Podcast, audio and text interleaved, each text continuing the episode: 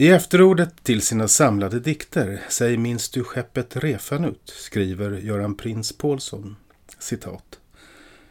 Det har alltid varit min övertygelse att genuina poeter skriver sina bästa dikter i ungdomen. Vad man kan göra under senare år är mest att förklara och lyfta fram teman som varit förträngda eller dolda av det impotenta skum, summa de lumbe saliva, för att tala med Perseus, som det litterära klimatet skapar. Slut citat. Jag läste citatet redan när boken kom ut 1984, innan jag själv debuterat. Och det har aldrig riktigt slutat oroa mig. Skulle allt ligga färdigt redan i utgångspunkten? Men trots att poeten i mig häftigt uppreser sig mot den idén har den varje gång besannats när jag haft anledning att kritiskt pröva den. Jag håller kanske inte med om att poeter alltid skriver sina bästa dikter först. Nej, men det mesta av vikt i författarskapen brukar finnas förebådat i de allra första böckerna. Tanken är svårsmält. Inte minst i vår tid som så starkt favoriserar hantverket framför genialiteten. Under ett par veckor har jag ägnat tre poesidebuter särskilt intresse. Carl Johan Flogmans samling Förnan med vignetter av David Myrvold är en ytterst stram och ambitiös debut. Idel dikter med treradiga strofer utan interpunktion och versaler som sluter sig tätt till sina ämnen. Ofta rör det sig om beskrivningar av tillstånd knutna till landskap. Flogman är inte en diktare som hittar på. Han registrerar och anstränger sig hårt för att förmedla det partikulära. Citat. Detaljer, alla lika väsentliga. Ska vi ägna uppmärksamheten åt dessa ögon, ögonen på mannen, aldrig mer lugnet under vildvuxna aplar, gräsmattor strödda med tusenskönor, blommande träd. Till det yttre friska, men aldrig bär de frukt. Sakta ruttnar stammen. Uppe i kronan Sakaios med inget annat än sin flackande blick. Slut citat. Dikten är torr och benämnande, som gällde den en alldeles särskild plats och en därmed sammanhängande tanke. Men det gåtfulla ordet Sakaios låter ana att det i själva verket rör sig om en bildbeskrivning av någon av alla dessa målningar med motiv från Lukas evangeliets berättelse om den föraktade lilla tullindrivaren Sakaios, han som klättrade upp i ett träd för att få en skymt av Jesus och drabbades av nåden. I ett slag öppnar sig dikten mot ett vidare sammanhang. Mannen i det ruttnande trädet med den flackande blicken liknar förstås oss själva och vår skamliga belägenhet här vid tidens ände. Livsapeln ruttnar men samtidigt känner vi till det han ännu inte vet. Att nåden väntar honom och att allt inom kort ska ställas på huvudet av Guds ingripande. Och likväl skänker dikten ingen tröst. Bara en känsla av ödslighet, kanske sorg, som om nåden, trots att vi vet att den där Sakaios ska träffas av den, inte står att hoppas på för oss. Mannen med ögonen i den första strofen är det Jesus som betraktar tullindrivaren innan denne sett honom. Och vem är vi som ägnar hans ögon vår uppmärksamhet? Hela scenen tycks tala om ett oundvikligt, den skamliga girighet ur vilken vi förött världen är större än Guds nåd. Vi står hjälplösa utanför skapelsen. Ett slags dov förtvivlan, kanske just över att allt är för sent, vilar över hela Carl Johan Flodmans debut. Jag tycker mycket om boken. Den allra sista dikten kan få understryka varför. Den ingår i en avdelning som heter Om vatten och lyder citat. Om höjd som rör sig som bort från land, om Ceylons kust som försvinner i havet, om det dödas namn, stora djup, böljande lönnar, stadens buller försvinner bland trädens dunkel, andetag allt djupare, djupare. På silkesvingar den tysta sömnen, nattens flor över parken, natt över jord som ett täcke. Slutcitat. Drunkningen, döden genom vatten, ett klassiskt motiv. Här virtuost hanterat. Det där ordet Ceylon som andas kolonialtid men handlar dikten inte om tsunamin år 2004 som tog så många lankesiska liv? Och de böljande lönnarna i nästa strof som slungar läsaren åter in i ett europeiskt, kanske svenskt sommarlandskap. Blicken från marken upp i lönnens böljande krona. Den tysta sömnen så skulle det kunna vara att dö, tänker jag. Eller så kan det vara att tänka sig döden. Att tänka sig död.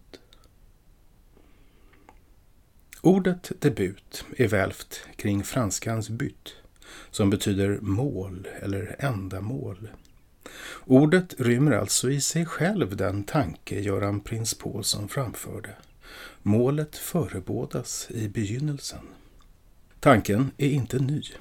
Pindaros, som levde i början av 400-talet före Kristus, liknade diktkonsten vid bågskytte. Rikta nu bågen mot målet, skriver han. Själ, vem vill vi träffa när vi nu skjuter iväg vårt rykte med ödmjukt sinne? Långt ifrån alla pilar träffar rätt, förstås. Men någonstans landar de alltid och rotar där med det verk som ska bära skyttens signatur. Sällan längre än vi endagsvarelser varar. Men för fåtalet utvalda, som för Pindaros själv till exempel, ända in i evigheten. Om Carl Johan Flogmans debut Förnan förebådar ett stramt och sammanhållet verk ter sig finlandssvenska Emma Ahlgrens Isotopia mer oklar i sin syftning. Boken bygger som jag läser den på ett metaforiskt förhållande, ibland fullt utvecklat till allegori. Det är mellan kärnfamilj och kärnfysik. Jag läser titeln bokstavligt som en sammansättning av de grekiska orden isos och topos, samma plats. Liksom ett kärnkraftverk håller kvar ett hotande kaos av partiklar just på samma plats ryms inom bokens pärmar ett myller av motstridiga delar, känslor, tankar och erfarenheter. Ofta är dikternas situation svårtydda. Citat. I ett urtvättat rosa nattlinne med stirrglada kaniner lägger jag mig i ett elektronmikroskop. Mitt morgonvarma skinn kliar. Eller är det ditt? När tar jag slut? Var börjar du? Vilken är din procentuella andel av min kattklösta hud? Var i mig existerar du? Slutcitat. Den fysiska formen, bokens inbundna sidor, är en plats där allt möjligt kan slås samman och klivas. Citat. Hälften jag är du, hälften av halva jag, en fjärdedel, 25 procent, utspädd med övrig genetisk massa cirkulerar i mina avkommors vener, cytoplasma, tarmar, hjärtmuskler, hårfästen, munnar, lynne, gyckel, kroppsspråk, ordförråd. I subtil, nästan osynlig nyans målas nylistad smärttröskel om. Slutcitat. Det är svårt att skönja något annat samband i denna dikt än det faktum att just dessa meningar samlats på sidan. Den banala reflektionen om släktbandet till en förälder, ett tema som i boken i övrigt knyts till kromosombokstäverna X och Y. Den enkla dekonstruktionen av en död metafor, smärt, tröskel. Varken som tänkande eller som språkkonst lyckas Emma Ahlgrens poesi helt övertyga. Nej, någon riktigt lyckad bok är inte Isotopia. I sitt intresse för vad formen förmår glömmer den bort sina läsare. Det må vara sant att allt som förs in också får plats i en bok. Och det är inte svårt att glädjas med poeten i insikten om denna litteraturens generositet. Men det räcker knappast till en minnesvärd läserfarenhet. Agnes Lidbecks debutsamling Ur skrevs enligt intervjuer före de två romaner som skänkt henne rättvis berömmelse. Och visst förebådas den oskrivna romanprosan i dikterna. Här finns en elementär värld av natur och släkt och röst som bra mycket liknar en berättares värld. Men boken förtjänar också att läsas i egen rätt och just som poesi. Ur är ordnad i fyra obetitlade avdelningar varav den första endast består av en dikt, en sorts prolog. Den lyder i sin helhet. Citat. Från fiskaren till fraktaren, från smeden till prästen, från garvaren till skräddaren, från dotter till dotter till dotter. Genom vävstolen och genom domarbänken, genom pennkniven med brutet blad, genom träskon som krossar huggormsskallen, genom tunnelgatan och siste man ombord under mullbärsträdet och under tändstickskungen, under hänryckningen och försakelsen och förnekandet, under graven utan sten på pianot ur skålen, under spettet glöder kolen, under flaskan dröjer daggen. Av objektivet, bläcket, trumman, leran, av smörkulan, spännpappen, ålen, av fällstolar och en broderad väst. Av två ringar sparar jag en. Slutcitat. Anslaget är mångtonigt och slungar läsaren ut i associativa fantasier. De rurala yrkena, de gamla utensilierna, mullbärsträdet på graven med sin sydliga orientaliska association. Borgerligheten, fabrikören, pianot, smörkulan. Det kunde ha varit en reklamfilm i den falskt naturliga nynationalromantiska genren om det inte var för den så precisa barnkammarmusiken i versen. För det är ju en lek, eller hur? En sånglek som samlar upp det benämnda och tar det med i dansen, tåget, rörelsen. I denna mening är Lidbecks prolog en genial inledning. Den tar sin läsare vid handen, fäster en ring vid hens finger som ett löfte om det kommande, en initiation. Men dikten planterar också en produktiv ambivalens. Vill jag tråda den dansen? Tager jag hennes ring?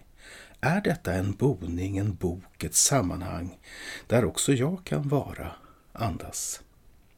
Dikterna som sen följer lyckas aldrig lösa mig från ambivalensen.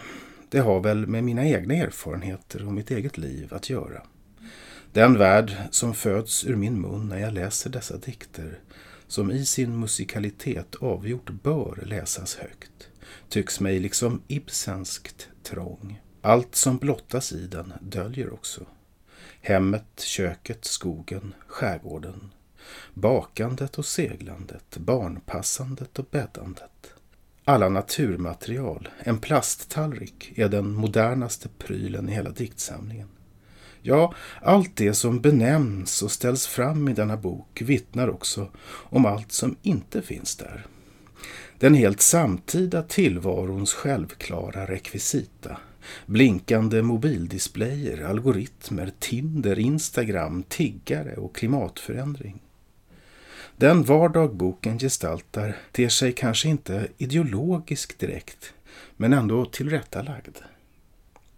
Jag tänker mig att bokens titel Ur är viktig. Ordet är underbart mångtydigt. Prepositionen ur är förstås betydelsefull i sammanhanget. Boken handlar om härledning. Var ur kommer du? Om barndom, släkt och arv. Men också betydelsen ursprung i meningen begynnelse spelar roll. En av bokens centrala dikter lyder citat. Under vågen är havet bundet av farleder.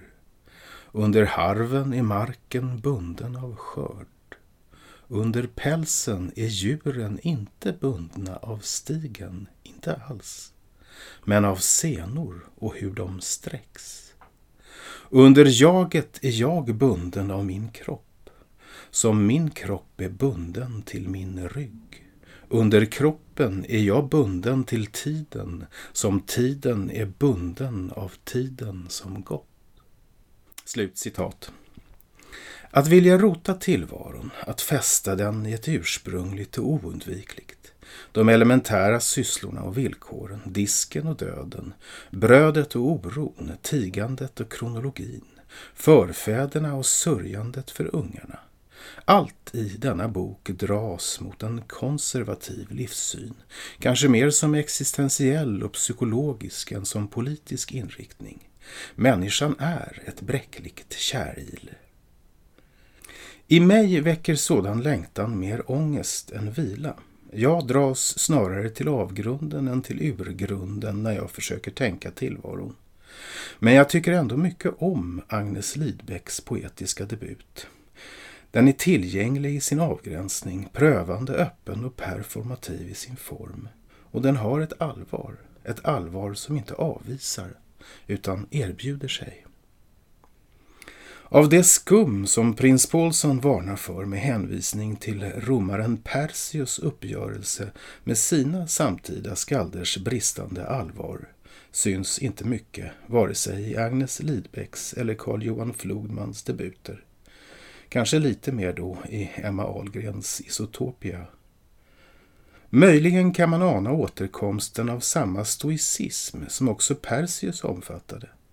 Den är, tror jag, ett skum i tiden. Men andra debutanter än dessa tre lämpar sig bättre till föremål för att uttolka tidsandan.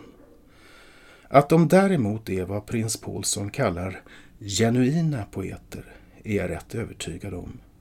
När framtida kritiker ska ta sig an deras verk är det inte otroligt att de finner allt förebådat redan här i begynnelsen.